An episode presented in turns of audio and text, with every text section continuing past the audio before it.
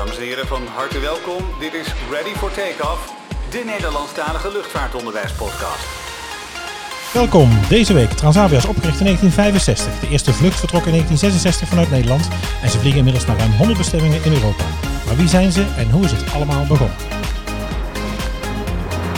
Fasten your seatbelts. Hier zijn Soner en Mark. Ja, zo zijn we weer. Aflevering 20 van onze podcast. We hebben één weekje verstek moeten laten gaan omdat ik eh, niet helemaal lekker was. Dus eh, we zijn er even een week niet geweest, maar deze week weer volle bak terug Ja, we kunnen weer tegenaan. in het nieuwe jaar. We hebben natuurlijk onze nieuwjaarsuitzending heb je geluisterd eh, misschien. En dat ging over eh, de-icing. Nou, daar komen we zo meteen nog wel even op terug. En we gaan nu eventjes, daar kunnen we een kleine geschiedenisaflevering in over de, de Nederlandse low-cost maatschappij van het moment. Maar laten we eerst even beginnen met het nieuws. Ja, we zijn het jaar niet zo goed begonnen. Nou, het 2019 was eigenlijk een van de veiligste ehm, ja, jaren tot nu toe in de luchtvaart. Het wordt steeds veiliger. Er waren weinig incidenten, weinig mensen overleden eigenlijk in de luchtvaart. Maar het lijkt nu in de eerste weken eh, wel aardig mis te gaan. Ja, We hebben het eerste incident. eh, eh, nou goed, alles komt langs. Hè. Ik bedoel, er is natuurlijk een, een 737 door een raket uit de lucht gehaald. Daar gaan we het zeker over hebben. Ehm, Ukrainian Airlines, enkele minuten nadat ze dus vertrokken zijn van de Iraanse hoofdstad eh, Teheran, zijn ze, nou ja, uit de lucht gehaald door Iraans afweergeschut. Een, een vergissing. Ja, het onderzoek heeft eh, even geduurd. Ja. Want eerst was er sprake van een technisch probleem.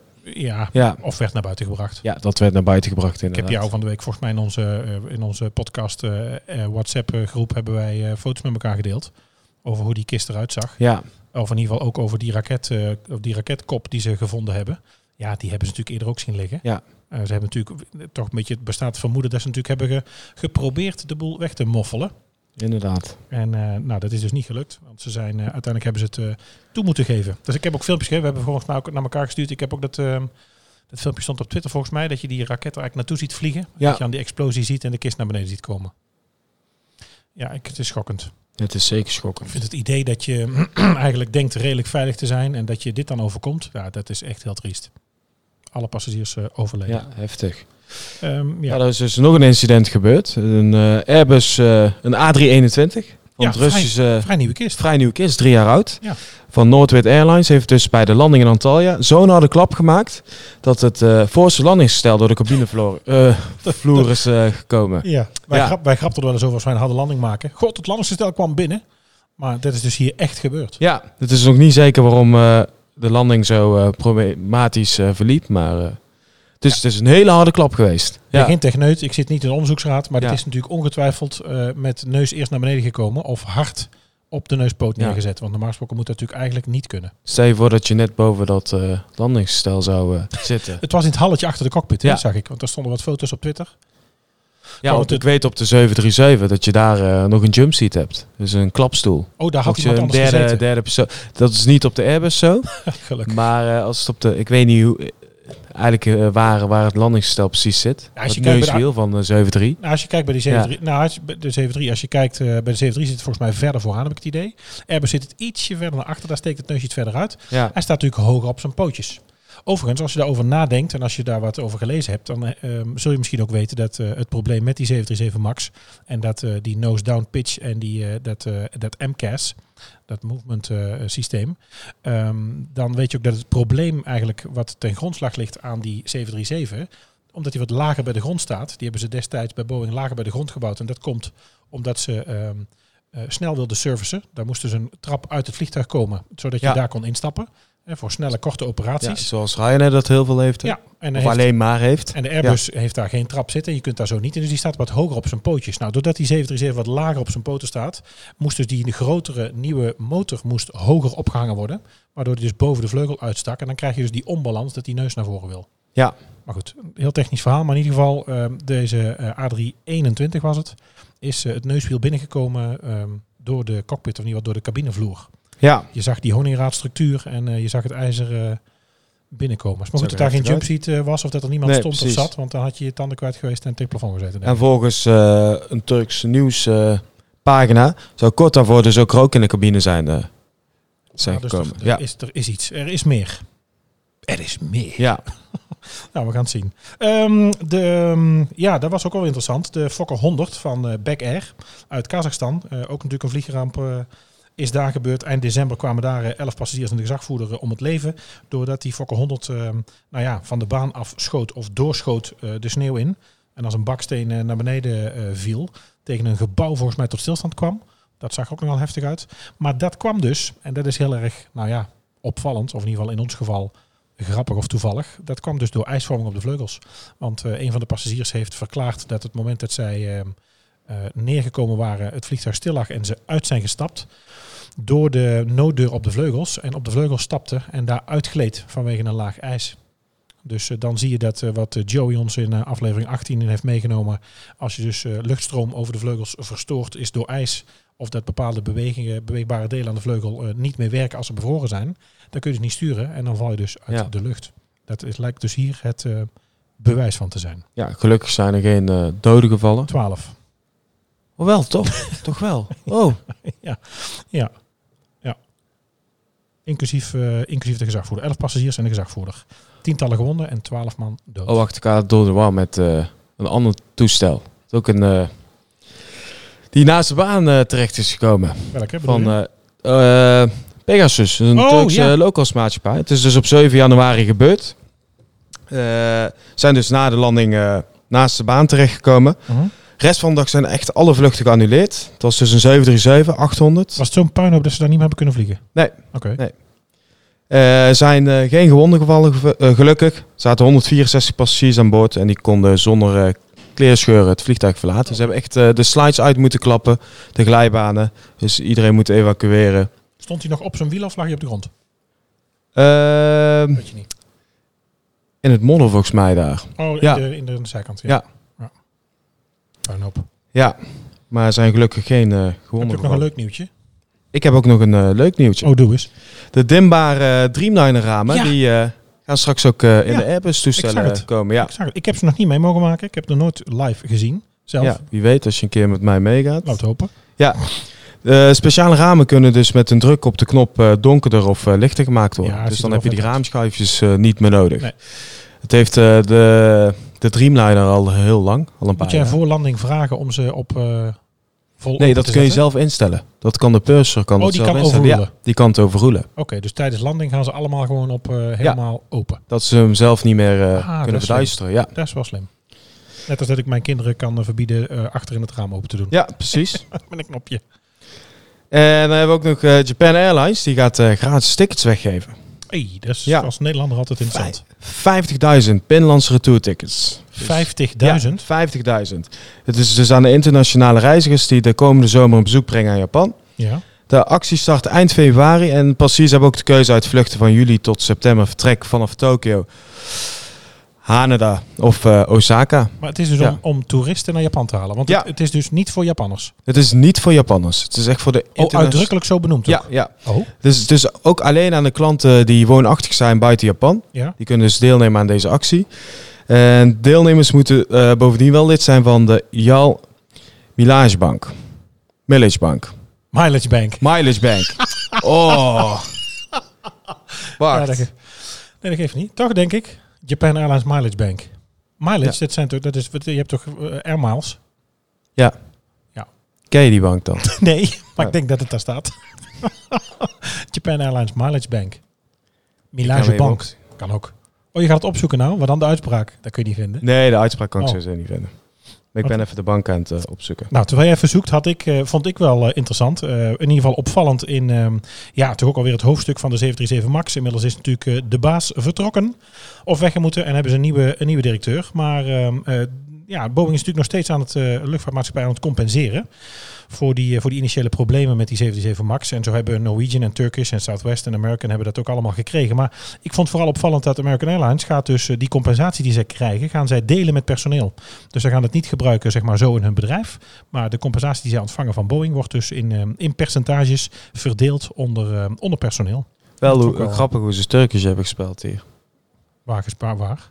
Maar sta je in ons voorbereidingsdocument te kijken? Ja. Of sta, ja, dan heb ik dat verkeerd geschreven. Hè?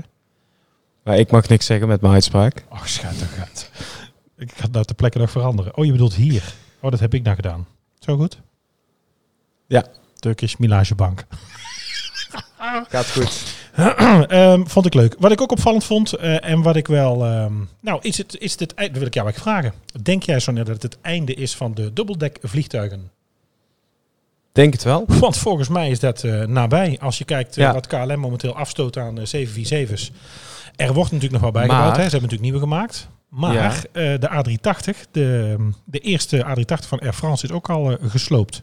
Ja, Air France heeft afscheid genomen van hun eerste A380. Het toestel met de registratie eh, FHPJB, of zoals we dat hier ook wel zeggen, Foxtrot Hotel Papa Juliet Bravo, ehm, is eh, afgelopen weken al, ehm, ehm, heeft al gevlogen volgens mij in, ehm, in witte kleuren. Dus daar was de verf al af.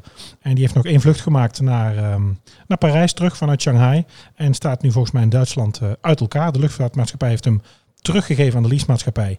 En die zijn hem nu eh, aan het slopen. ja het toestel was niet eens zo oud, hè? Tien jaar oud. Tien jaar oud. Ja, Ik, ja, het is bijzonder. het is bijzonder, ja. Meestal vliegen ze wel zo eh Ja, maar rond de als dat- 30 jaar. Ja, ik denk dus wel dat dat een signaal is als je dus na tien jaar zo'n A380 eh nou ja, sloopt of uit de vaart haalt. Dat die tweedehandsmarkt voor de dubbeldekkers ziet er dan ook niet zo best uit. Want Nee. als je dus dat ding nu uit elkaar gaat halen en dus los gaat verkopen aan onderdelen voor degene die hem nog hebben. Eh, volgens mij heeft Singapore Airlines ook alleen uit elkaar gehaald. Ja, dan kun je straks ook met je materialen nergens meer heen. Zeker als je kijkt naar een Emirates en een Etihad, die vliegen alleen, bijna alleen maar met die en toestellen. nog Ja. bijbesteld. Maar goed, zullen dus ook uiteindelijk naar iets anders gaan. Hebben ze het nog bijbesteld? Ik dacht dat ze niet meer geproduceerd werden. Nee, maar ik bedoel, die hebben de, de laatste orders Oh, waren ja, vrij groot. Weet Ja. je, toen zij ze kocht, hebben ze er best veel gekocht. Ja, En nu zie je dat eigenlijk maatschappijen besluiten dat die vliegtuigen te groot zijn. En dat ze terugvallen op eh, bijvoorbeeld eh, A350's. Maar volgens mij blijft eh, Boeing nog wel de 747-800 eh produceren. Nou, dus tenminste, dat type was nog wel verkopen momenteel. Ja. Wat mensen nog wel willen hebben. Ehm, en wat mij ook opviel, dat was meer, nou ja, persoonlijk laat ik het zeggen. Ik zag een nieuwsbericht op Twitter dat ehm, Griekenland de F-35 gaat aanschaffen. De Lightning Strike Fighter. De Joint Strike Fighter. eh, die wij natuurlijk ook hier in Nederland hebben. ja, in en hij was laatst op Eindhoven. Ja, heb ik ook gezien, de eerste beelden op Eindhoven. Ja. Dus natuurlijk, eh, ik, is dat diegene die ze met schuim hebben bespoten eh, bij aankomst in Nederland? Ik denk het wel. Dus hij doet het nog gelukkig. Ja. Nou, in augustus eh, vind ik wel gek dat, nou ja, in ieder geval, ik vind het, ik vond het voor mij opvallend, laat ik maar zo zeggen, als consument en als belastingbetaler en gewoon als eh, mens die op Twitter zit en dingen leest, vind ik dat Griekenland de F-35 aanschaft. Opvallend. Niet in de zin omdat ik denk dat ze het misschien kunnen gebruiken of denkende dat ze het nodig hebben natuurlijk in hun, ja, eigenlijk al, we zeggen, de spanning met, eh, met Turkije, die natuurlijk al eh, daar eh, Ja. tientallen jaren eh, heerst, honderden jaar heerst, is het ehm, voor mij vond ik het opvallend dat je augustus 2018 eigenlijk een, eh, een leningsprogramma beëindigd hebt. Sinds 2010 hebben wij met alle eurolanden Griekenland omhoog gehouden. 2018 is het leningsprogramma afgelopen. In 2020 klappen ze een paar miljard tegen nieuwe vliegtuigen aan. Ja, vond ik opvallend. Ja, Niet direct, ik heb nog niet direct een mening, maar ja, misschien ook wel. Maar ik vind dat gek. Eigenlijk. Ehm, dan een stukje follow-up. En eigenlijk ook over die, eh, die F35. Roy en Theo hebben ons laten weten dat naar aanleiding van podcast eh, nummer 16 eh, hadden wij het over de, de F35's. En die worden de Nederlandse F35's eh, vanaf de F009. Dus vanaf de negende F35 worden de Nederlandse F35's in Cameri in Italië gebouwd. en vanuit daar worden ze naar Nederland gevlogen. Dus het is niet zo dat ze allemaal uit de States komen. We hadden het volgens mij toen gemeld dat de eerste of de tweede JSF uit Amerika geland was in Nederland. Dat is niet zo. Eh, tot en met F09, eh, F1 tot en met F08. Die worden in de States gebouwd. En vanaf 9 komen ze dus eh, uit Italië. oké. Dus dat is eigenlijk heel dichtbij. Dan hebben we Plane Follow Aviation. Dat is een Twitter of een, een ehm, eh, Instagram handle. Heeft de winactie met de vraag over het vliegtuigtype gewonnen. Het ging over een, een Harker 4000. En we hadden het bericht gepost op het moment dat wij de 4000 streams bereikt hadden. Waarvoor natuurlijk iedereen, ja, enorm veel dank. En eh, de speciale Remove Before Flight sleutelhanger komt eh, naar je toe. Zoals we ook beloofd hadden. We hebben al even via DM contact gehad op Instagram. En de envelop is zojuist de deur uitgegaan. Dus je kunt eh, binnen enkele dagen ons presentje ontvangen. Yes, gefeliciteerd. Heb je nu ook een tip of heb je ook nieuws? Wil je ons iets laten weten? Wil je ons ook wat follow-up laten oplezen? Of wil je ons wat insturen wat we verkeerd hebben gezegd? Of heb je correcties? Milagebank. Eh, dan kun je dat laten weten op eh take underscore ready. Op eh, ready for takeoff pod bij Instagram. We hebben ook een mailadres. dat mag bij, naar ready for takeoff En je kunt naar de website summercollege.nl slash ready for takeoff. En daar hebben we een reageerpagina. Echt Japans en Franse benamen, dat kan toch niet? Serieus. Frans. Mileage, dat is Engels. Ja, mileage. Je maakt het nog erger, Nee, nou. nee, maar wat ik net zei. Milage. Ik snap niet hoe ik die link heb gelegd. Maar, Japon, Ja- Japon Aviation, Milage Bank. Ehm, laten we beginnen aan het, hoofd, eh, aan het hoofdonderwerp. Eh, Transavia is natuurlijk eh, ja, lid van de Air France KLM groep en behoort daarmee tot de grootste luchtvaartgroep van Europa. Maar eh, we gaan eens even kijken en inzoomen op eh, de geschiedenis en het ontstaan van het bedrijf. En we Ja. sluiten af met een stukje toekomst. Ja, Transavia is dus eh, 100% eigendom van, eh, van de KLM. Eh, die op haar beurt weer eigendom is van Air France KLM. Transavia wordt gerund als een onafhankelijke operatie. Het bezit een belang van 40% in de Franse luchtvaartmaatschappij Transavia France. Bestaat ook nog dus. Frans. Frans. En de resterende 60% is, is eigendom eh, weer van Air France. Die Ja. op de Franse markt actief is. Transavia Frankrijk opereert ook onder de merknaam Transavia. Dat wist ik dus echt Ja. niet. Voordat Oh. ik dit ging uitzoeken, wist ik het dus echt niet. Oh, ik wist het wel. Het is eh, identieke... het Eindelijk is eigenlijk... Het Ja. het ja, is gewoon dat- precies hetzelfde, maar Ja, dan het- de, de Franse stak. Ja, ze, hebben hebben dus exact gewoon- dezelfde uniformen. eh, ja, helemaal. Alle toestellen zijn hetzelfde hetzelfde. Ja. Ze hebben wel een tijdje met de A320 gevlogen, volgens mij. Die Nee, ze ik dan weer hadden sowieso- geleased van eh, Ja. Air France. Ik kwam sowieso vliegtuigtypes dat ik tegen dat ik dacht, hé, hey, heeft Ja. Transavia daarmee gevlogen? Ja, wel leuk. Maar Ja. goed, oké. Eh, Transavia, zoals we het weten, werkt dus als een goedkope luchtvaartmaatschappij. Het is een low-cost airline. Ja, maar wat Ja. wij studenten altijd uitleggen en wat ik altijd eh, vertel in die lessen daarover, eh, de, de term low-cost maatschappij, ja, voor wie zijn de kosten nu eigenlijk laag?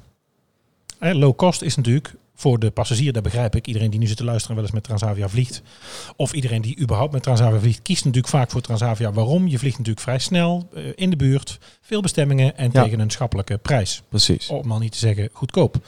Maar low cost is eigenlijk een term bedacht in de luchtvaart. Dat het een maatschappij is die zelf lage kosten heeft. Daar komt het eigenlijk vandaan. Dus low cost airline wil niet zeggen ik kan daar tickets goed- kopen die goedkoop zijn. Nee, low cost airline wil eigenlijk zeggen het is een maatschappij die lage kosten Ja. heeft. Die dus weinig service biedt. Weinig ehm, aan extra uitgaven doet dan alleen reclame maken online. Mensen vervoeren van A naar B tegen een scherpe prijs. Ja. En ze vliegen dus met eh, één vliegtuigtype. Dat is de, Ja, nu dan. de hè? 737. Dat is wat anders Dan wel geweest, maar daar gaan we zo naar kijken. Ja, dus ze vliegen dus met de 700 en de 800. Hebben zij maxen? Eh, nee, Geen maxen. nee, nee. Ze hebben wel... eh, nee, ze hebben alleen Next Generations. Ja. Ja. Eh, ze vliegen nog wel met de 700. Dat geldt dus alleen voor de Nederlandse tak. Hoe De Franse heeft, voor de eh, vliegtuignerds onder ons. Denk heel even na. Twee seconden. Nou, zo hij is iets korter. Ja. En hij heeft één overwing hatch boven, boven twee in totaal dan. Ja, als je 737 Alle- met twee noodluiken Ja. boven de vleugels per zijde, dan heb je het over een 800. Ja. Als je maar één luikje, dan praat je over een 700. Precies. En ze hebben maar één eh, cabineklasse. Dat is gewoon de economy klas. Mhm. Oftewel de I-klas noemen ze het ook wel. Eh, de luchtvaartmaatschappij biedt een buy on board aan die eten en drinken aanbiedt tegen betaling. Vanaf 5 april 2011 heeft Transavia de tarieven voor eh ruimbagage ingevoerd en de regels voor handbagage zijn gewijzigd. Waarbij het maximale toegestaande gewicht dus voor handbagage is verhoogd naar, eh, van 5 naar 10 kilo. Ja. ja. Dat, eh, ik heb zelf heel lang op de grond gewerkt. Hè, en je Mhm. merkt ook bij dit soort maatschappijen dat passagiers vaak geen koffers meer je eh hoeft inchecken. in ruimte Nee, te gooien. Precies. Echt alle bagagebakken zitten gewoon vol. Ja, ik denk dat het, Ja. het is natuurlijk ontstaan uit de... nou ja, goed, we hebben het er al eens eerder over gehad. Als je kijkt naar hoe vliegt een vliegtuig. ehm, gewicht moet van de grond af. Volgens mij, voor iedere 100 kilo in een toestel... of in ieder geval om 100 kilo van de grond te tillen... wordt de kist in totaliteit 700 kilo zwaarder. Aan metaal, aan brandstof, aan water, aan personeel, aan spullen. Dus je wil natuurlijk, om dat dode gewicht eh, van de grond af te halen... wil je hem zo slank mogelijk hebben. Dus als je je kosten laag wil houden... en precies genoeg brandstof mee wil nemen en niet overdreven veel moet stoken bij take-off, heb je natuurlijk een goede belading nodig en wil je niet te veel meenemen. Ja. Moet op de juiste plaats in het vliegtuig liggen. Ik denk natuurlijk wel dat het ontstaan is uit de prijs en de kosten van de brandstof, dat je natuurlijk minder mee mag nemen. Maar ik vraag me wel af, en dat is eigenlijk meer een vraag aan jou, scheelt het nou aan tijd? Zou het nou, is het nou daadwerkelijk sneller om mensen alleen met cabinebagage in te laten stappen eh, en dat zelf op te laten bergen? Kost dat minder tijd dan wanneer eh, grondpersoneel ingecheckte bagage moet inruimen? Ik denk niet zozeer dat het minder tijd kost. Wat, wat er nu dus gebeurt, omdat dus alle passagiers eh, handbagage meenemen, dat, dat er gewoon geen plek meer is Nee, aan boord. vind- nou, dus ik dan dus moet je irritant- alsnog Ja, handbagage in gaan houden en in een ruim laten plaatsen. Dat Ja. moet dus... Maar achteraf, je laat dus eerst mensen instappen, je Ja. laat mensen tassen inruimen. Vervolgens lukt Ja, dat niet, vooraf, staan we in het eh, gangpad te, te sodemieteren met z'n allen. Er wordt een gate wordt ook al ingehouden. Oh, er wordt Ja, gesorteerd. het wordt, er wordt gesorteerd. Ze hebben ook eh, bij wijze van, weet ik veel, vanaf 150 passies moet zij, het restant moet zij dan in gaan houden. Ja. Ze kunnen 189 80 passies op. Dat wil Ja. zeggen dus dat je 49 stuks handbagage in moet gaan houden. Dat kost ook veel tijd. Dat moet ook last minute beladen worden. Ik denk als je het eh, vooraf doet, dus Ja. als je het echt gaat inchecken bij de check-in balie, dat, dat de belading ook veel sneller eh, gaat. Want die 49 die dan niet in kunnen, die, zijn, dat mensen, zijn dat altijd de laatste 49 die instappen? Ehm, dat Automatisch? verschilt per... per Of eh, kijk je per naar grootte? Eh, ze, Wordt dat kijken, gesorteerd bij de gate? ze kijken ook naar grootte. Kijk, als het niet voldoet aan, eh, aan het formaat, Ja. dan, eh, wordt het, eh, dan is de passief verplicht om het eh, af te laten geven. Dan wordt het in het ruim geladen. Maar ik vraag me dan af, hoe kom ik nou aan de voorkant dan met de grote bagage bij de gate? Dan is er toch ergens al een stap misgegaan? Ja. Want ik kan toch eigenlijk niet... Ik moet normaal gesproken gaan... Maar Oh, ja. denk je dat ze echt bij alle 189 passies gaan controleren of eh, de handbagage aan, aan de eisen voldoet? Daar hebben ze geen tijd voor. Want de omdraaitijd is ook qua- zo kort. En eh, Ja. het moet allemaal zo snel en efficiënt afgehandeld worden. Ja, turnarounds Ja. hier. Als je kijkt, uh, Ja. Ryan Hamilton hier vanaf Eindhoven. Landen en weer weg zit 15 minuten tussen. Precies. En niet alle passies gaan naar een check-in balie. Hè? Als ze online hebben ingecheckt en ze reizen alleen met handbagage, kunnen ze direct doorlopen naar de security. Ja, Ja. en daar wordt ook geen extra controle gehouden, want tegenwoordig heb je, heb je de, de, de poortjes. Ja, want ook nu Ja. hier, je hebt natuurlijk de pre-scan waar je Ja. jouw instapkaart voorhoudt. Het, het kaartje, Precies, het, en je loopt poortje door. gaat open, je loopt door. Dan kom je nu bij de nieuwe security lanes overigens, die ze ook nu in, eh, in Rotterdam hebben, zag ik. Hier op Eindhoven zijn ze ook al, Schiphol waar ze al. Dus nu hoeft er ook geen, eh, er hoeft niet meer opgezet te worden. Je hoeft niet meer je bagage uit te pakken en die vloeistoffen te laten zien. Maar wat Ryanair dus heeft gedaan, wat ik eigenlijk ook had eh, verwacht dat ze het zouden doen, eh, dat ze nu tegen een lagere prijs kunnen inchecken. Oh, passies. je gaat dus Want anders ga je gaat ook je gaat geld mislopen. Ja. Want het inchecken is dan te duur. Dus passiers gaan alleen handbagage meenemen. Als je nog een beetje geld wil vangen, als je het een beetje aantrekkelijk maakt voor de passiers, dan kun je, kun je dus tegen een laag, eh, laag tarief eh, Ja, aanbieden. het laagdrempelig maken zodat mensen het Precies. Dat Ja. ze dan voor twee tientjes, dan doen ze het wel weer. Maar als het dan eh 50 euro kost voor een retourtje, ja. Ja. Zoveel kost het ticket waarschijnlijk niet eens. Nee. Dan begrijp ik dat je geen bagage wil inchecken. Nee, ik zat laatst te kijken, waar wilden we naartoe? Ik zat dus te, even te, zo te checken. Voor, er gingen vrienden naar Edinburgh en ik eh, keek eens even of wij daar ook naartoe zouden kunnen met z'n vijven. Of naar Londen. Of eh, weet je, als je Parijs zou vliegen, het zijn belachelijke afstanden Parijs overigens. Maar als je dan kijkt uit een ticket, ja, je betaalt met z'n vijf waren wij, kwam het op vier tientjes volgens mij de heenvlucht en, en drie of zes tientjes terug. Ja. Ja, het gaat nergens over. Dus Ja, als je dan voor vijf tientjes eh, een koffer moet inchecken. Ja, het is met vijf eh, man met de auto natuurlijk nog wel duur. Maar Ja. eh, oh, in plaats van met vijf man met de auto is het wel Ja. duur. Maar.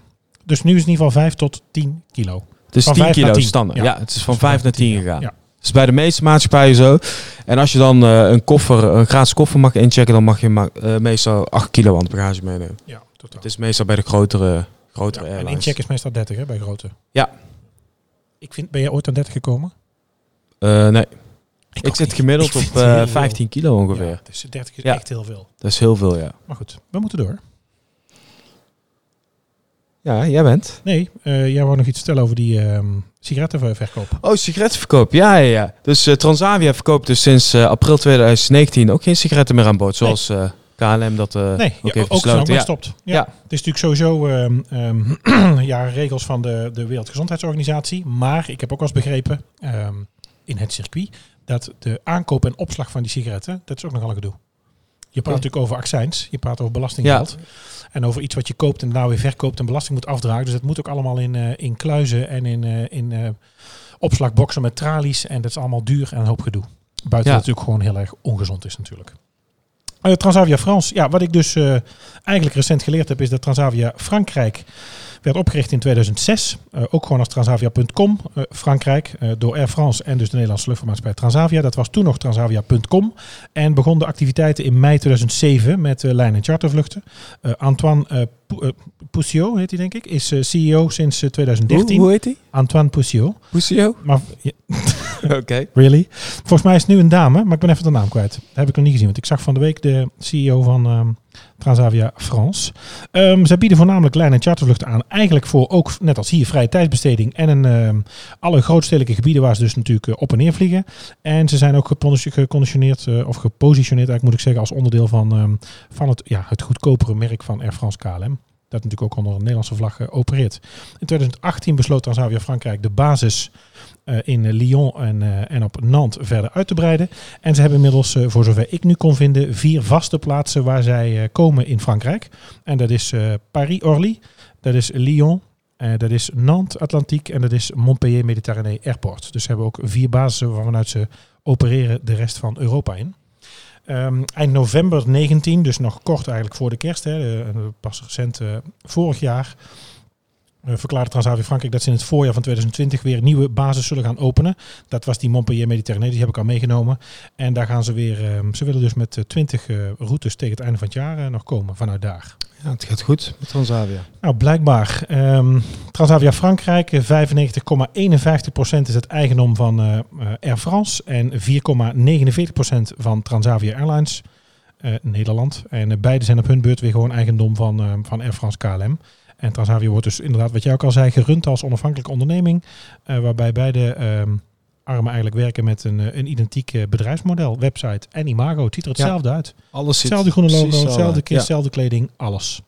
Hoofdkantoor overigens van Parijs, van Transavia Frankrijk is Parijs. Daar zitten ze op, op Orly. En eh, de vloot kent eh, 38 737-800. Ja. Veel hè? Een Deense eenheid van Transavia Denemarken, gevestigd in Kopenhagen, heeft eh, van april 2008 tot 2011 daar gezeten. Maar dat is stilgelegd omdat het niet de verwachting heeft vo- voldaan. Dus dat is nog ook een pootje geweest in het buitenland van Transavia. ja, klopt. Ze hebben het ook volgens mij op München geprobeerd. Ja, ik heb daar zelfs even gezeten. Echt? Een week, ja. Maar Toen, eh, toen de baan hier op Eindhoven dicht was. Ik was toen Eindhoven beest. Ja, En we zaten met heel de base eh, in München. in München. Ja, het was wel leuk om... bier eh, drinken. Heel veel. Heel veel, ja. Nee, Nee, jij ik zelf niet. Nee. Maar eh, Maar dat wist ik dus niet. Dus Denemarken Ja. hebben ze een poot gehad. Duitsland hebben ze geprobeerd. München zijn ze mee gestopt. nee, het, eh, het Tegenvallend niet, succes. Ik weet nog wel, ze hebben dat hier volgens mij, wat, ze hebben hier wat uitgedeeld. Er is hier op Eindhoven, toen is er een, ehm, ja, een promotieteam gekomen. En die hebben hier, nou geen bier, maar Beierse iets uitgedeeld. Ik weet niet meer ik wat weet ook in pretzels of zo, ik heb geen idee. Maar in ieder geval, ik heb in ieder geval bijgeleerd dat Transavia nog een volledige Franse poot heeft. In Denemarken gezeten heeft. En in Duitsland het ook eh, geprobeerd heeft. Ja. En dan heb ik ook nog wat eh, financiële gegevens. Nou, cijfers, Ja, dat, dus, doe daar even, ja. want daar ben ik niet zo goed in. Ja, ja, ik iets beter, maar... nou, het gaat, eh, het gaat heel goed met Transavia. Als ik het ga vergelijken met eh, 2013, toen eh deden ze nog verlies. Ze hebben 23 miljoen verlies geleden. 2014 werd, eh, werd het zelfs meer. Het 36 miljoen. 2015 ietsjes minder, 35 miljoen. En in 2016 hebben ze even break-even gedraaid. eerste nul, ja. ja. Eh, 2017 81 miljoen winst gemaakt. En in 2018 140 miljoen. Ja. Dat zijn hele mooie resultaten. Nou, 19 is natuurlijk momenteel Ja. nu aan het afsluiten. Die gegevens hadden wij nu nog niet in ieder geval. En als we kijken naar het aantal toestellen. Ik schrok van het aantal personeelsleden. 2400, 2500 man personeel. Ja, Ik weet dat er ongeveer eh, volgens mij een 150 eh stewards en stewardessen hier op Eindhoven zitten. 2500. Ik vind Ja. best veel voor zo'n kleine, relatief kleine maatschappij. Nou, Ja, dat zijn ze dus eigenlijk niet. nee, eigenlijk niet. nee. Als je kijkt naar een KLM, die heeft alleen al 10.000 eh cabinepersoneel vliegen. Dus ja, niet. Volgens mij zit zij met de cockpit op 3000 ongeveer. Dus dan zit je al op 13.000 vliegend Maar- personeel. Daar wou je nou naartoe volgens mij. Maar als je kijkt de aantallen toestellen, daar stond ik ook even van te kijken. Ja, het is, ja, als je kijkt naar 2013 tot en met 2015 zijn ze niet echt gegroeid. Ze zijn met 30 toestellen begonnen in 2013. En in 2015 zaten ze op 32. Ja, in en nu zit in Nederland, hè? Ja. Transavia in Nederland. En nu zitten ze dus op 40 eh 737's. Ja, dat is Als veel. je kijkt naar Transavia Frankrijk, die zijn met 11 toestellen in 2013 begonnen. En die zitten nu op 34 toestellen. Ja, 74 toestellen totaal. ja, Dus als je dan zegt, ja, een kleine luchtvaartmaatschappij. Nou, ik vind 74, nou ja, Is best, best wel. veel, Is ja. best veel. Ja, zeker veel. voor een low-cost maatschappij. De, de vroege jaren van Transavia, eigenlijk voordat ze, want nu, wat ik al zei, nu ze hebben nu die, eh, die 737-800 waar ze nu mee vliegen. Maar ze zijn natuurlijk ooit begonnen. Dat was toen niet met die 737, maar met andere toestellen. Daar komen we zo op. Maar die, eh, die eerste vroege jaren kwamen eigenlijk uit een, uit een brainstorm sessie. Over het beginnen van eigenlijk een tweede chartermaatschappij naast eh Martinair. En dat is in 1966 begonnen met die eh, Amerikaan eh, Chalmers Goodlin. En die had een ontmoeting met, met Pete Holmes, oftewel Slick. Goodlin had ehm, het slapende bedrijf Transavia Limburg, gevestigd in Maastricht. Dames en heren Limburg, let u heel even op. Transavia heeft zijn oorsprong dus eigenlijk op Maastricht Airport. Het is dus eigenlijk een, eh, een Limburgse luchtvaartmaatschappij. Oké. Het is even stil.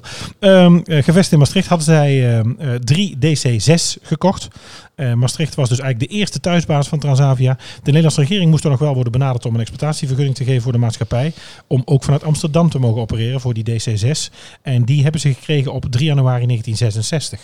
Nou, in die fase was, was de wellicht misschien bij jullie bekende John Blok, voormalig lid van het management van Martinair, um, was bereid dat op zich te nemen. En hij heeft dus die licentie ja, voor de dag gekregen, zeg maar. En op 14 eh, november 1966 en op twee dagen later, 16 november 66, was eigenlijk de eerste commerciële vlucht geloven door, gevlogen door uh, de captain, die al eerder noemde, Piet Holmes, van Amsterdam naar Napels en terug. En uh, daar zat vooral het, het Nederlandse balletorkest en het Nederlands danstheater in.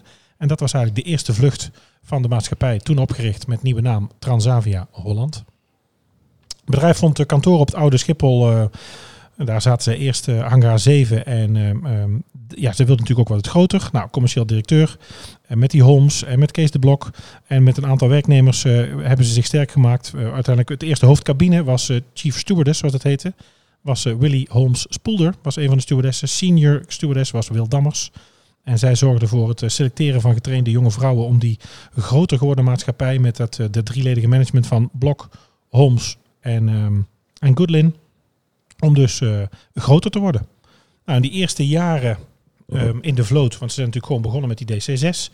Daarna kwamen in de vloot de eerste jets, misschien ook al bekend bij de luisteraars, de Caravel. En later de Boeing 707 en de 737.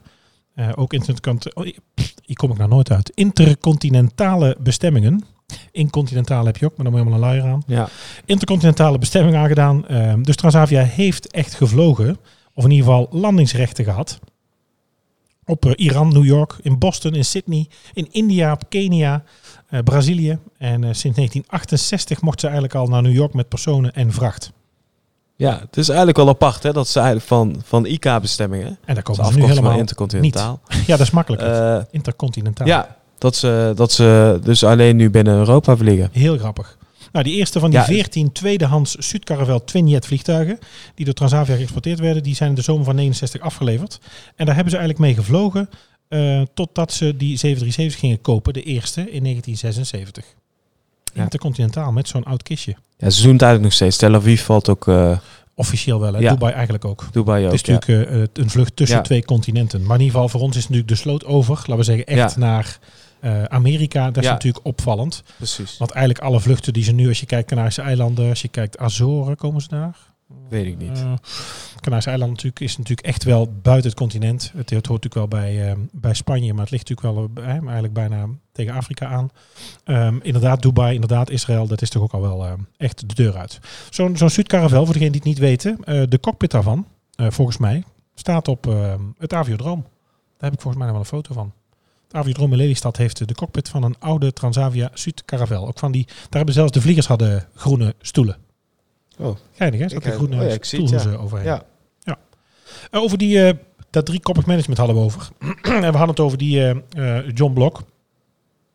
Johan Nicolaas Blok, geboren op 18 mei 1929 in Amsterdam en overleden op 11 april 1994, was een, uh, eigenlijk ook een luchtvaartpionier. Medeoprichter van Martinair, oprichter van Transavia en zelfs ook, ja daar komt hij, Air Holland. Ken je dat nog? Ja, die hebben ook met de 757 gevlogen. Ja, Transavia ook. Transavia heeft ook 757 Ja, ook. Ja, ja. Ja, ja. Vond ik een heel mooi toestel, nog steeds. Dus Zelfs met de A310 nog. Mooi slang ding. Ja. uh, Air Holland met die oranje en die blauwe streep. Die twee, uh, die twee blokjes. Uh, geboren als zoon van een leraar in Amsterdam. En na de Tweede Wereldoorlog solliciteerde hij voor een baan bij de KLM. Werd niet aangenomen. Uiteindelijk werd hij lid van de luchtmacht en werd daar uh, piloot.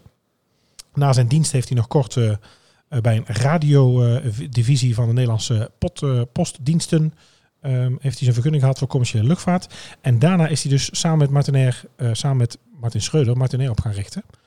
Nou, zij kwamen dus eigenlijk een beetje met die, die vakantiereizen in Nederland. Hè? Dat hele, nou ja, voor het, deel, het charter-idee, maar ook dat ze dus zelf vakantiereizen hebben aangeboden. Hij ging daar vervolgens in uh, 1965 weg en kocht toen dus de slapende, toen slapende luchtvaartmaatschappij Transavia Limburg. Hij hernoemde het naar Transavia, bouwde de maatschappij opnieuw op en tien jaar later had Transavia een marktaandeel van 45% in die Nederlandse markt. Nou, na een ruzie met, uh, met investeerders vertrok hij in 75 en ging uh, Jetstar Holland BV oprichten in 77. En daarmee introduceerde hij eigenlijk weer het gebruik van de executive jets in Nederland. Dus de privésector. Hij verkocht dat bedrijf ook weer aan een investeringsholding en ging terug naar zijn grotere plan. In 1984 uh, uh, richtte hij luchtvaartmaatschappij Air Holland op, die dus in 89 openbaar werd. En in 91 ging hij daar weg en in 94 overleed hij. Nou, ik vind als je dus vrijwel voor een, nou ja, voor in ieder geval voor een aantal, uh, voor een groot deel van de, de bedrijfsvoering van luchtvaartmaatschappij in Nederland verantwoordelijk bent, dat is natuurlijk wel uh, opvallend. Martinair, Transavia, Air Holland en daarna dus uh, jetgebruik. Weet je wat grappig was altijd? Toen wij uh, vanaf München vlogen, dachten de Duitsers altijd dat we een Russische airline waren. Waarom? Transavia, Transero, is een grote airline in, uh, oh. in Rusland. Die zijn volgens mij een paar jaar terug failliet gegaan. Of dachten ze altijd dat we een Russische airline waren. we waren echt niet bekend in Duitsland. Wodka-stokerijtje Ja. aan boord. Ehm, nou, dit is eigenlijk een beetje zo het eerste begin. Wil jij dan eens oppakken die, eh, die ontwikkeling vanaf de jaren 80? Ja, ontwikkeling sinds de jaren 80. Toen de luchtvaartmaatschappij helemaal opnieuw werd opgebouwd, had Transavia tien jaar later een marktaandeel van 45% Ja. van de Nederlandse vakantiemarkt. Dat is veel, hè? Ja, Bijna de helft. dat is heel veel. Werd de belangrijkste concurrent van Martinair. In 1986 werd het merk Transavia Holland veranderd in Transavia Airlines. Ja, dus we hebben dus eerst al Transavia Limburg gehad. Toen Transavia. Dan Transavia Holland. Toen Transavia Airlines. Airlines, ja. Ja. En er is nog een verandering gekomen, maar daar komen we later ja, op terug. daar komen we nog op. Het was de eerste luchtvaartmaatschappij die profiteerde van de eerste Open Skies overeenkomst tussen de Britse en de Nederlandse overheid. Transavia begon op 26 oktober 1986.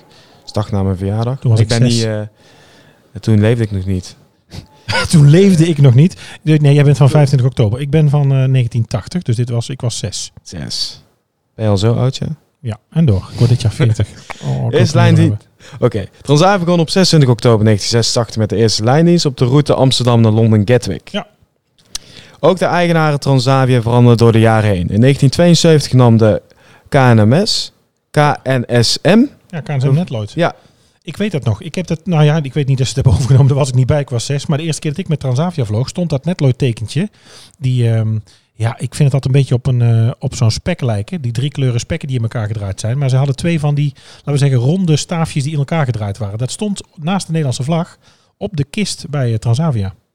Dat was onderdeel van de, van de livery. Ik ga het even googlen zo. Nee, het staat erin, het voorbereidingsdocument. Ik heb een foto erin gezet.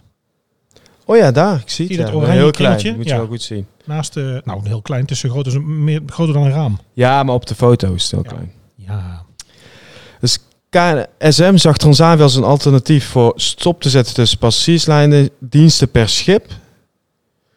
Successievelijk breidde de KN... Ik kan, ik kan daar niet de. KNSM. KNSM. Ik heb elke keer KNMS in mijn hoofd zitten.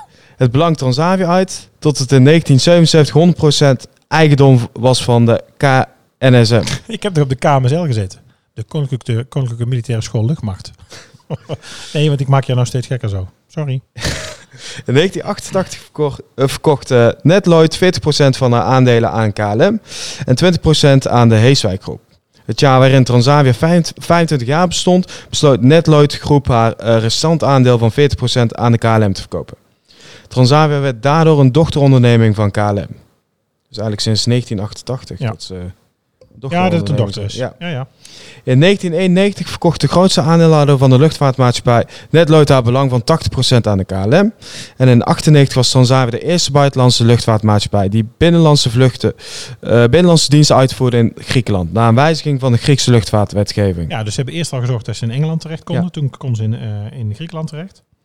En in eh, 2013, eh 13, Nee, 3, 2003. verwierf eh, KLM de resterende 20% van Transavia. Waardoor het voor 100% in handen was van de KLM. Ja, en toen is natuurlijk de fusie gekomen Air France KLM. En daarna is het dus onderdeel geworden van Air France Ja, KLM. precies. Het was dus eerst eigendom van helemaal KLM, daarna is het overgenomen. Ja. Nou, de eerste tien jaar is het dus eigenlijk gewoon echt ja, chartermaatschappij met, eh, met low cost geweest. En dat was dus, en die low cost poot, ik weet niet of je dat nog weten, en of je die vliegtuigen nog voor je ziet, dat was Ja. Basic Air. Basic Air, klopt. Dat ken ik eh, van vroeger van mijn tante nog. Die eh, vle- vloog regelmatig naar Stockholm Ja. eh, vanaf Rotterdam met Basic Air. Basic met een Q. Ja. Ja. En dat stond ook heel groot op de kist. Volgens mij ook met die, eh, die prijslabeltjes van die tickets. Daar stond dan een klein bestemming op zo'n eh, op zo'n klein prijslabeltje. En dat werd dan over heel die kist eh, uitgestrooid. Ja, die gele en ze hadden nog wel dat Transavia logo op de tail staan. Ja, de, nou, de, Ja, niet de- de, de- T, maar die, die, dat waren toen die, die blauwe en die... eh, die vleugels. ja, die vleugels. Ja. Ja. Ja. Ja, Basic Air. Ja, laten we het nou over- hebben over, de, over Basic. Hè. Het is een Nederlandse voormalige low-cost maatschappij. Die was opgericht in eh, december 2000. En als dochteronderneming van Transavia, de voorloper van Transavia.com concept. Ja, dat was dus. Ja, moet je kijken waar we nou. Dus we hebben al Transavia Limburg, eh, Transavia eh, Eh, Nederland, Holland, Holland. Transavia Airlines, de Poot Basic Air, die ze uiteindelijk daarna ingelijfd hebben en veranderd hebben naar Transavia. En na Basic Air werd het weer Transavia.com. Allemaal, hè? dat stond Ja. toen ook op het vliegtuig. Ja. Basic Air opereerde voornamelijk vanuit eh, Rotterdam, maar ook wel vanaf eh, Schiphol. Alle vluchten van Basic Air waren online boekbaar. In een half jaar tijd na de oprichting zijn zo'n rond eh 220.000 tickets verkocht. Dat is grappig, hè? want Ja. ze hadden dus eigenlijk een soort lijndiensten. Dus dat was natuurlijk. Het, kijk, charter is natuurlijk. eh, Even voor degene die luisteren niet weten. Charteren is natuurlijk dat je. Toei doet dat zelf. Maar in ieder geval dat bijvoorbeeld. eh, ja, Neckermans nee, was een goed voorbeeld. Hotelplan. Ik noem maar even iets. Hotelplan koopt stoelen bij een luchtvaartmaatschappij. En die worden dus eh, gecharterd, geregeld. Ja, Dus je kunt een reis kopen bij Hotelplan. Daar zit dan een ticket bij van een chartermaatschappij. En daar vlieg je mee. TUI heeft het natuurlijk nu helemaal zelf. Je boekt bij TUI en vliegt met TUI. Eh, en daarnaast heb je dan natuurlijk de lijndiensten. Wat Basic Air eigenlijk deed. Basic Air had die lijndiensten. Maar dan zoals dat toen nog heette. Of als we dat nu... Ja, nu doe je dat ook al. Dat komt niet zo vaak meer voor. Maar dat is dat no frills concept. No frills is eigenlijk een economisch begrip waarbij je een product of dienst eh, aanduidt ehm, waarvan de niet-essentiële onderdelen, dus eigenlijk de fratsen, de frills, verwijderd zijn. Eh, die gaan er dus af. Dus je gaat bij dat concept uit van gewoon zonder fratsen, lage prijzen van A naar B. Ja. Is eigenlijk wat ze, nou ja, grotendeels nog steeds doen. ja precies. Eh, introduceerde in, eh, tweede- in januari 2003 een nieuw boekingssysteem, waardoor de klanten alles via het internet konden regelen. Hierdoor kon Basic Air sommige eh, kosten verminderen en Ja. beter concurreren met de andere low-cost maatschappijen. Zoals we al zeiden, Ja. lage kosten voor de maatschappij. Precies. Maar de oprichting van Basic Air zorgde eerst voor heel veel onrust bij de reisorganisaties. Dat is natuurlijk even wennen, dat precies zelf konden boeken. Ja. De lage ticketprijzen die via het internet konden worden verkregen, zorgden ervoor dat pot- potentiële klanten dus via reis, van reisbureaus dus zelf een ticket gingen boeken. Eh, daarbij dus ook zelf een accommodatie, terwijl de reisbureaus achterbleven met de pakketreizen. Ja, ik denk wel dat die hele ontwikkeling, als je nu kijkt, als je het groter pakt, waar je natuurlijk vroeger een reisbureau binnenstapt en daar een complete pakketreis kocht. Een reis boekte waar alles op en aan zat, van, eh, van vlucht tot aan ehm, eh, accommodatie, tot aan eh, transfers ter plaatse, ophalen, wegbrengen van het vliegtuig, van het vliegveld. Zijn natuurlijk nu, en dat zie je natuurlijk in de ontwikkeling met het internet, mensen die zelf reizen boeken, tickets boeken, verblijf boeken, huurauto's zelf fixen, de rondreis zelf uitstippelen. Ja. Ja, daardoor zijn ja, reisbureaus verdwijnen langzaam of zijn in ieder geval minder. Je ziet nog wel wat D-reizens. Bij ons is de D-reizen in Oosterhout al, eh, ik denk al vier keer van locatie veranderd. Er zitten nu ook weer in een nieuw pand. Daar zitten twee dames achter een computer. En that's it. Ja, Weet je, je gaat natuurlijk steeds meer zelf doen. Ik, ik trap er zelf ook wel in dat je dus eh, bij Booking.com verblijven boekt. Of dat je naar een Airbnb stapt. En dat je een Ja. los ticket neemt bij Ryanair. En dat je naar de eh, treinmaatschappij... Ik kan me voorstellen als je naar Londen zou gaan nu vanuit Eindhoven. Dan kijk je thuis op de computer. Nou, wat kost een, een ticket Londen? Pak ik Ryanair of Ja. pak ik Transavia? Hoe laat kom ik daar aan? Wanneer ben ik er? Welk verblijf pak ik? Dat doe ik bij Booking.com. En ik zorg dat ik bij eh, de, de treinmaatschappij zelf een treinkaart koop om van Stansted naar de stad te komen. ja. ik denk zit dat dus het meer eh, voor de mensen is op, die echt op leeftijd zijn, die eh, geen laptop thuis hebben of wat. ja, ik kan geen cijfers noemen en Ja. ik, weet het, ik, kan het me, ik weet het niet. Maar ik kan me voorstellen dat er... Ik, ik heb, nou laat ik maar zeggen, ik, ik vraag me af wie er nog bij een reisbureau komt. Ik denk dat het misschien stiekem nog best veel mensen zijn. Ja, en ook gewoon om informatie te halen, denk ik. Boekjes halen, Ja. Daar je oriënteren in plaats van het internet. Ja. En dan diezelfde reis dan toch daar boeken of bij een andere maatschappij goedkoper. Ja, Dat gebeurt natuurlijk. Ja, ik zou niet zeggen dat ik er nou in ga duiken, maar ik ben nog wel eens benieuwd of er cijfers zijn, die zijn alvast, eh wie er dus nog bij een reisbureau boekt en hoeveel mensen het nou eigenlijk nog effectief Ja. zijn. ja, ze bestaan nog steeds. Dus, eh, We hebben er twee ja. bij ons in Oosterhout. We hebben D-reizen en we hebben, dat was vroeger Bijns, dat is Disma Travel geworden. En nu zag ik Toei op de gevel staan. Dus die hebben toch inmiddels ook eh, Ja, de huid verkocht. Ja eh Basecare die eh, voegde dus per 30 maart eh, nieuwe bestemming toe. Ze waren toen flink aan het uitbreiden. Aan de oude bestemmingen Barcelona, Madrid, Malaga, Bordeaux, Marseille en Nice werden dus Alicante, Palma, Sevilla, Milaan, Napels, Pisa en Faro toegevoegd. Ook de vluchtfrequentie naar Madrid was verdubbeld van 1 naar 2 keer per dag. Na een moeilijke keuze besloot Transavia op 7 september 2004 Basecare weer te integreren met het hoofdmerk Transavia. Dus het is maar vier Ja. jaar dan, hè? Ja, vier jaar. Vier jaar heeft Basic Air maar Ja. bestaan. Toen werd het dus eh, Transavia.com. Ja. Waarbij eh, vluchten bij voorkeur via de website werden verkocht. Per 1 januari 2005 zouden alle activiteiten van Basic Air weer onder de naam Transavia worden gevlogen. Dit heeft Transavia besloten omdat Transavia wilde uitgroeien tot, eh, tot eh, een meer eh, ontwikkeld reisbedrijf wat veel vertrouwen bij de klanten kon wekken. Topman eh, Van der Brink. Oh, wie is O van der Brink? Oh, oh van der Brink. O van der Brink. Oh van der Brink. Oh. Eh, we vinden tijd om de ervaring die is opgebouwd met Basecast. Hij citeert dus, of ik citeer wat hij Wat toen hij zei, heeft ja. gezegd. Wat hij, ja. We eh, we vinden tijd om de ervaring die is opgebouwd met uh, Basecast samen te voegen in een sterk en vertrouwde merk Transavia. Hiermee bouwen we aan een sterke, eenduidige positionering van Transavia. Ja, dus Transavia was eigenlijk nog een beetje meer charter. Ehm, nou ja, meer lijn. Eh, waarbij dus eh, Basic Air zelf al tickets verkocht. Dat hebben ze uiteindelijk bij elkaar gevoegd. Ja, Waardoor je dus makkelijker... Oh, ik heb het er hier ingezet. Daar staat hier een foto in. Die had ik gevonden. Op, ehm, als je over als je te luisteren en wil nog eens mooie foto's hebben van vliegtuigen, dan kun je naar jetfoto's.net. En dit is een eh, foto die, eh, ik denk meneer P. de Boer gemaakt heeft. Van een, eh, een mooie 737... Welk is het, Sonair? de 700. Kijk, de 700. Eén, één luikje boven de ramen met die gele stickers erop, wat ik zei. Oslo, Girona, Dublin. En dan achterop de staart staan de vleugels van, van Transavia. De Ja. X-Ray Romeo Echo. Was het toestel. Wellicht Ja. nog te vinden. Kijk maar eens online, daar zie je www.basicair. Nou, het staat werkelijk in koeienletters over de hele kist. Ehm, dan even, ja, wat moderner wil ik een beetje pakken, heb ik een beetje voorbereid. 2014 tot 2020 wil ik het eigenlijk eens even over hebben. Ehm, ik wist dat eigenlijk niet, maar er is dus ook een, eh, een eerste staking geweest. Staking georganiseerd eh, door piloten van Air France in september 2014. En dat was dus om ehm, eh, uit protest tegen de verhoogde focus van Air France KLM op de ontwikkeling van Transavia. En de piloten werden minder betaald dan de vliegers bij Air France. Begin 2015 kwamen ze met een, een nieuwe huisstijl en toen verdween weer dat .com. En toen werd het eh, eh, Transavia. Grappig weer, hè? Wat u dus Ja. ook alweer eh, da- daarin gehad hebt. Februari 2017. ehm, nou, oh, hier heb je het. Ik wist niet dat het hier had staan. Had ik dus toch nog opgeschreven. Het, februari, nee, februari 17 kon Transavia aan dat ze een basis gingen beginnen en, in München. En die zou eind oktober van datzelfde jaar alweer sluiten. Vanwege ehm, ja, een jaar in dienst, een verandering in de bedrijfsstrategie en nieuwe economische vooruitzichten. Ja. Het liep dus niet. Nee, en eh, het is ook moeilijk om in de Duitse markt eh, te concurreren, lijkt mij, met al Waarom? die eh, Duitse locals maatschappijen. Wat heb je? Condor, Condor, Eurowings is een hele grote. Eurowings, Ja, Air Berlin. Air Berlin, ja, die zijn dan wel failliet gegaan. Wat hebben ze? German Wings, ook een onderdeel Ja. van Lufthansa. Germania. Germania, die zijn ook failliet gegaan. Lufthansa heeft natuurlijk zelf ook gewoon wel Ja. regionale jets waar ze mee opereren. Ja, het moeilijk. waren grote concurrenten. Destijds. Ja. Ja. 2019 uh, kondigde Transavia de lancering aan van de basis aan op Brussels Airport. Ze begonnen daar aanvankelijk met negen routes. Op 25 december 2019 hebben ze het netwerk uitgebreid eh, met vluchten naar Lyon en zelfs ook naar Amman. Dus als je dan kijkt, dit is dan ook weer intercontinentaal eigenlijk. Hè.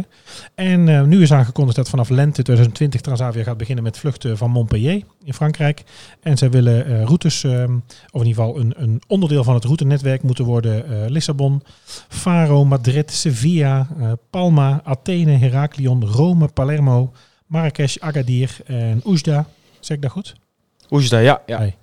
En eh, Tunis en Djerba.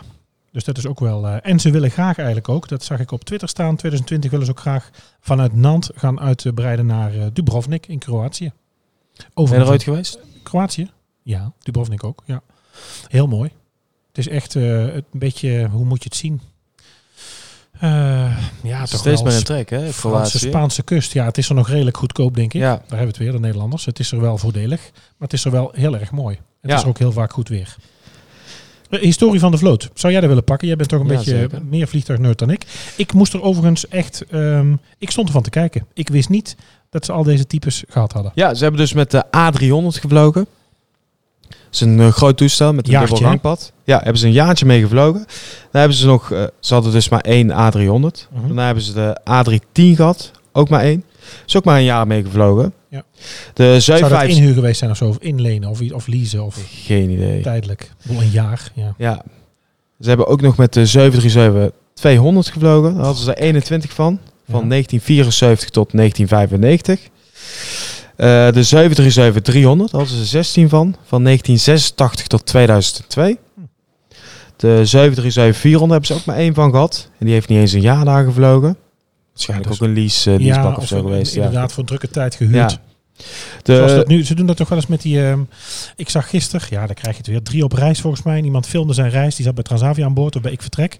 En ik zag de Gull Winglets. Ja, Dat Ja, zijn ook die... dat eh, is de Braz- een Braziliaanse luchtvaartmaatschappij. Ja. Wanneer het bij ons hoogseizoen is, is het daar weer laagseizoen. komen de Dus dan in, eh, komen de kisten deze Ja. kant op, ja. Sorry, sidestep. Ja, Eh er zijn 57200, hebben ze acht van gehad. Hebben ze ook nog een incident mee gehad. Maar daar komen we later op terug. Daar hebben ze van 1992 tot eh, 2004 mee gevlogen. De 757-300 hebben ze twee van gehad. Heeft ook maar een jaartje gevlogen. De, ja, hoe spreek je dit? De, de British, was? Airspace, ja, British ja, ja. Airspace was het. hè? De 146-200, dat is een klein toestel met vier is- motoren. Ja, ook maar Ja. in, in- niet eens een jaar. Niet eens een jaar, nee. Ja, en dan die, eh, die Sud Caravelle, die Sud Aviation Caravels. Ja, hebben ze 15 van gehad. Van 1969 tot eh, 1976. Ja. Ik heb daaronder heb ik een, eh, had ik een plaatje gevonden. Had ik erbij gezet. Ja, heb je gezien? Die vloot eh, vanaf ja. 1966. Als je overigens kijkt op de, op de site van Transavia, daar kun je ook eh, bedrijfsgegevens vinden. En als je wat verder gaat zoeken, gaat Google natuurlijk, kun je ook allerlei zaken vinden die gaan over de maatschappij. En daar kun je ook vliegtuigen vinden. Ja, Er staat overigens een hele leuke infograph op transavia.com. Die kun je daar downloaden. En daar zie je dat ze 2018 twee- 28k vluchten gemaakt hebben. 28.000 vluchten Ja. totaal. Naar 162 routes. 100, sorry, 162 routes. eh, naar 111 bestemmingen. Ehm, dat er bijvoorbeeld drie basissen zijn in Nederland. Dus in Amsterdam sinds 1966, op Rotterdam sinds 2001 en op Eindhoven sinds 2013.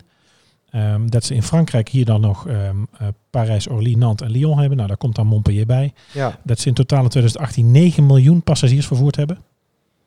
Hier staat dan Transavia Nederland. Nou, dat klopt dus 43 vliegtuigen. Gemiddelde leeftijd van de vloot is 9. Ze hebben 8 737-700's en ze hebben 35 737-800's. ja. En er werken ongeveer meer dan 2000 mensen bij Transavia. En ze hebben dus ook nog met de 707 gevlogen. Prachtig toestel. Dat is toch de, de hoe heet het? De AWACS. Toch? Dat is toch een 707? Je gaat Vier, googlen? vier motoren. Ja, vier motoren. Ja. Echt een dus- huge apparaat. Die werd dus ingezet voor lijndiensten naar eh, Mekka. Grappig. Ja. En de DC-6 hebben ze ook nog maar. Dat is echt al heel lang geleden. Ja, dat is een propeller voor je Ja, van propellerkist. 1966 tot eh 69. Maar ik was dus vergeten dat zij dus ook die 757 gehad hebben. Die was met die hele mooie blauw met groene wing erover en achter op de staat. Ja, ik vind het een heel mooi toestel. Ik vond het bij, bij Air France of bij Air France, bij Air Holland ook altijd heel mooi. De 757, ja. Ik vind het een heel mooi slank toestel met een hele mooie neus. Een beetje op de Airbus lijken. Die staat eronder. Ik heb een plaatje erbij gezet. Ja, de A320. Kun je hem zien. Oudste nieuws, als je nou het zegt over die, eh, we hebben het over vliegtuigtypes, die, eh, die grootste order uit de geschiedenis van Transavia. 16 augustus 1995 kocht eh, Transavia voor 460 miljoen gulden toen nog. Goe- De goede oude tijd. Pff, toen de gulden nog van hout was. Ja. De mannen van stal en de boten van hout. Toen Jezus nog een krantenwijk had. En poepen nog met lange oe geschreven werd. En de Batavieren nog met z'n vijven waren. Kocht Transavia voor 460 miljoen gulden acht nieuwe vliegtuigen. En dat waren die 737-800's waar ze nog steeds eigenlijk eh, Ja. Mee vliegen. Toen nog zonder winglets. En een optie genomen toen al op 12. Ja. Het ging niet altijd goed. Nee. Ehm, we gaan wel eh, positief afsluiten, moet ik zeggen. Maar we kunnen niet om, eh, om incidenten heen. Dat hoort nu helemaal ook bij het nieuws. En daar zit volgens mij zo'n 757 bij die ik zo mooi vond. Ja, die heeft... eh, Daar hebben ze een ongelukje mee gehad. Ze vlogen toen van Canaria naar Amsterdam. Populaire vlucht natuurlijk. ja. En nog steeds.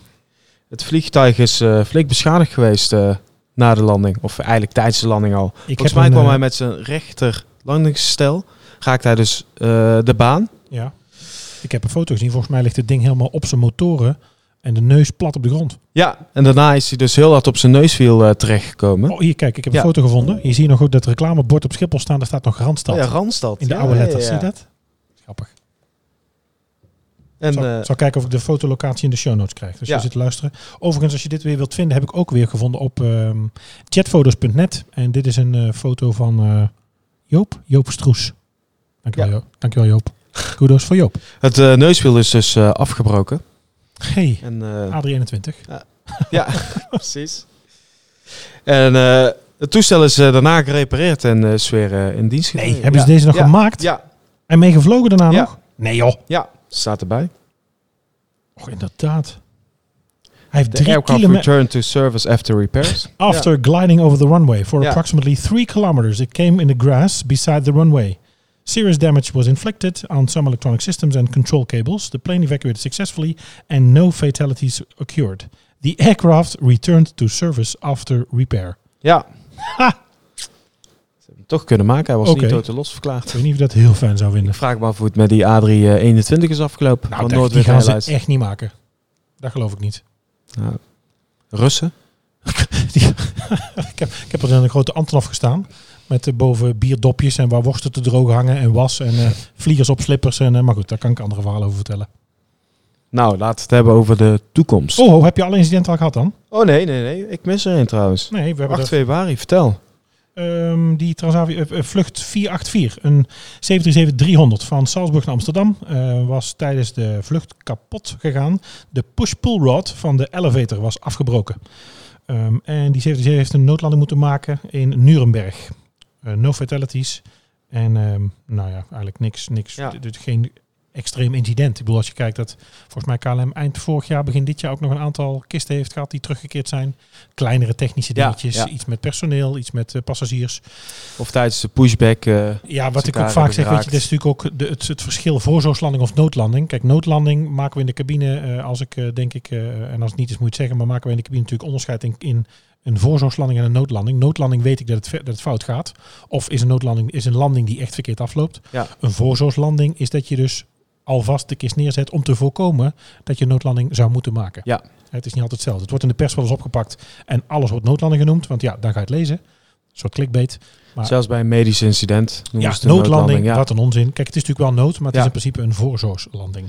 ja, er is recent ook nog een incident eh, gebeurd. Op 6 september 2019 is er dus een uh, Transavia-toestel. Vorig jaar. eh, dus vanaf een taxibaan opgestegen. Oh ja, daar hebben we het over gehad in eh, podcast eh Ja. boh, twee of drie, denk ik. Nee, Ja. wacht even. Nee, 6 september. We hebben, zag ik vandaag, 19 september onze eerste podcast opgenomen. Wij zitten nu op eh, 4.500 streams. Dus als het een beetje wil, dan gaan we volgende week, het week erop, gaan we door de 5.000. En dit was eh 12 dagen voordat wij eh, zijn gaan Ja, even een correctie. Ze zijn niet opgestegen. geprobeerd. Geprobeerd op te stijgen. En toen werden ze... ja. ja. gelukkig eh, hebben de airport controllers... eh Ja. ATC eh, hebben ze op tijd eh Ingegrepen. wezen stoppen. Ja, Heeft, eh, eh, hoe heet het? Bevel gedaan. precies. Bezel, heb je goed gedaan, Ons jongen. best let ingegrepen.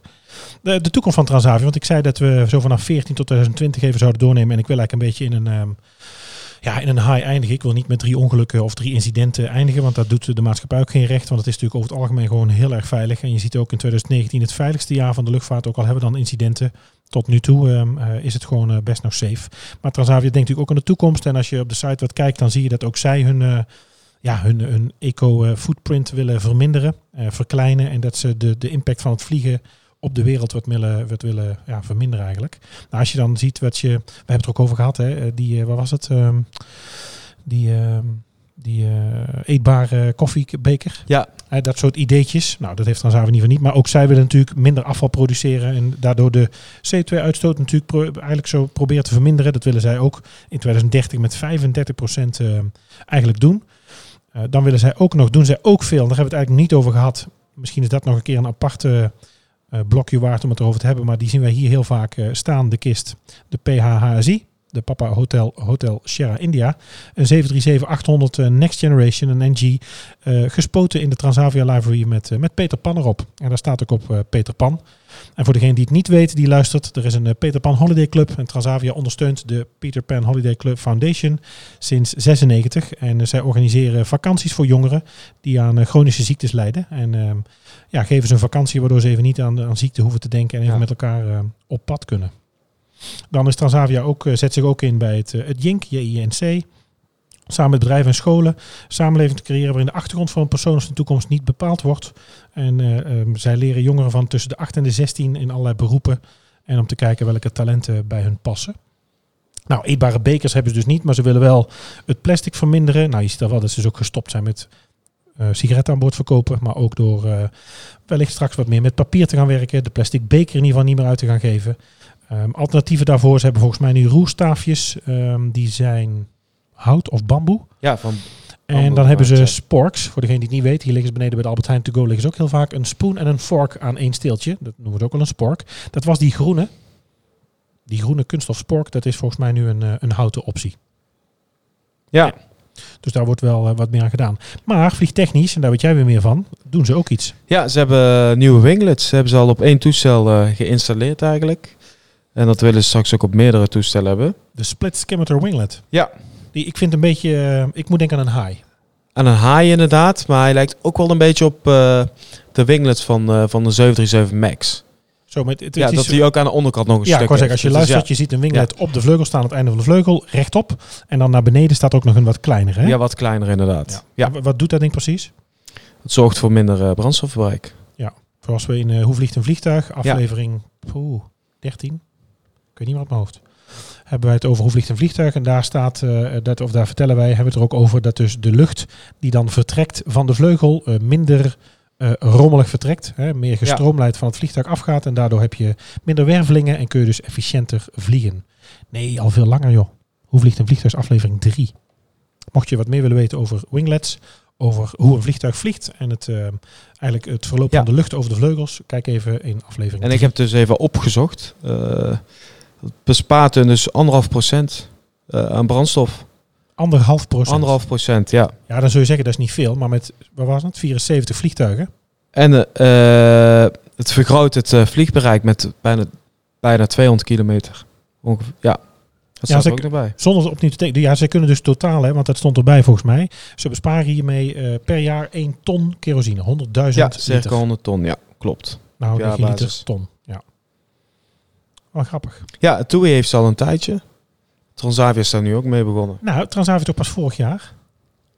Transavia vorig jaar, ja, ja. Ja, en dan willen ze er eh, volgens mij in maart nog eentje doen, hè? Ja. Ja. Nou, tot zover. Ik denk dat we... ehm, Ja, ik hoop dat je, dat je met interesse hebt zitten luisteren. Wat? Misschien leuk om te weten. Weet Oh. je wat het kost, zo'n winglet? Nee. 492.000 euro. Eentje. Eh, allebei. Dus twee wing. Dus ja, een, setje split. als optie. Dus ik heb Ja. een 737-800 en ik wil En wil, op. Ik ga naar de eh, Grazie en ik ja. zeg, goh, doe mij ik heb nog leuke opties. Bijna, bijna 500.000 euro. Bijna 5 ton. Ja. Een optie van 5 ton. Ja. Nou, daar gaan niet veel automerken overheen. Ja, Ten Brink vond eh, dat de investering waard was. Nou, Dus, dat eh, denk ik wel. Met een ton kerosine, weet je, is het niet voor de, voor de economische groei of is het niet economisch interessant voor de maatschappij, dan wel voor de ecologische footprint die de maatschappij zet op, op onze aardbol. Ja, Ja, en daarmee zijn we denk ik dan toch aan het einde gekomen van deze aflevering. Ik hoop dat je, als je hebt zitten luisteren, dat je een klein beetje eh, meer weet over Transavia. En een klein beetje, we hebben natuurlijk de geschiedenis doorgenomen, hoe ze begonnen zijn als Limburgse maatschappij tot wat ze nu zijn met ruim 70 vliegtuigen in twee landen naar meer dan 100 bestemmingen. Het is toch eh, niet meer weg te denken. En ik denk dat er veel eh, mensen luisteren die of werken bij Transavia of er anders nog wel mee hebben gevlogen of gaan vliegen. ja, Toch? Eh, ja, ga ik eh, de band eh, binnenhalen, Saner. ja Goed. doen we dat maar eens. Als je nog ideeën hebt of wil reageren, dan kan natuurlijk altijd via onze socials. Dat mag je doen bij readyfortakeoff.summercollege.nl of ga naar summercollege.nl slash readyfortakeoff. Eh, beoordeel ons en review ons in Apple Podcasts. En anders kijk op eh, Ready for Takeoff Pod op Instagram. Zo echt tot volgende week. Tot volgende week.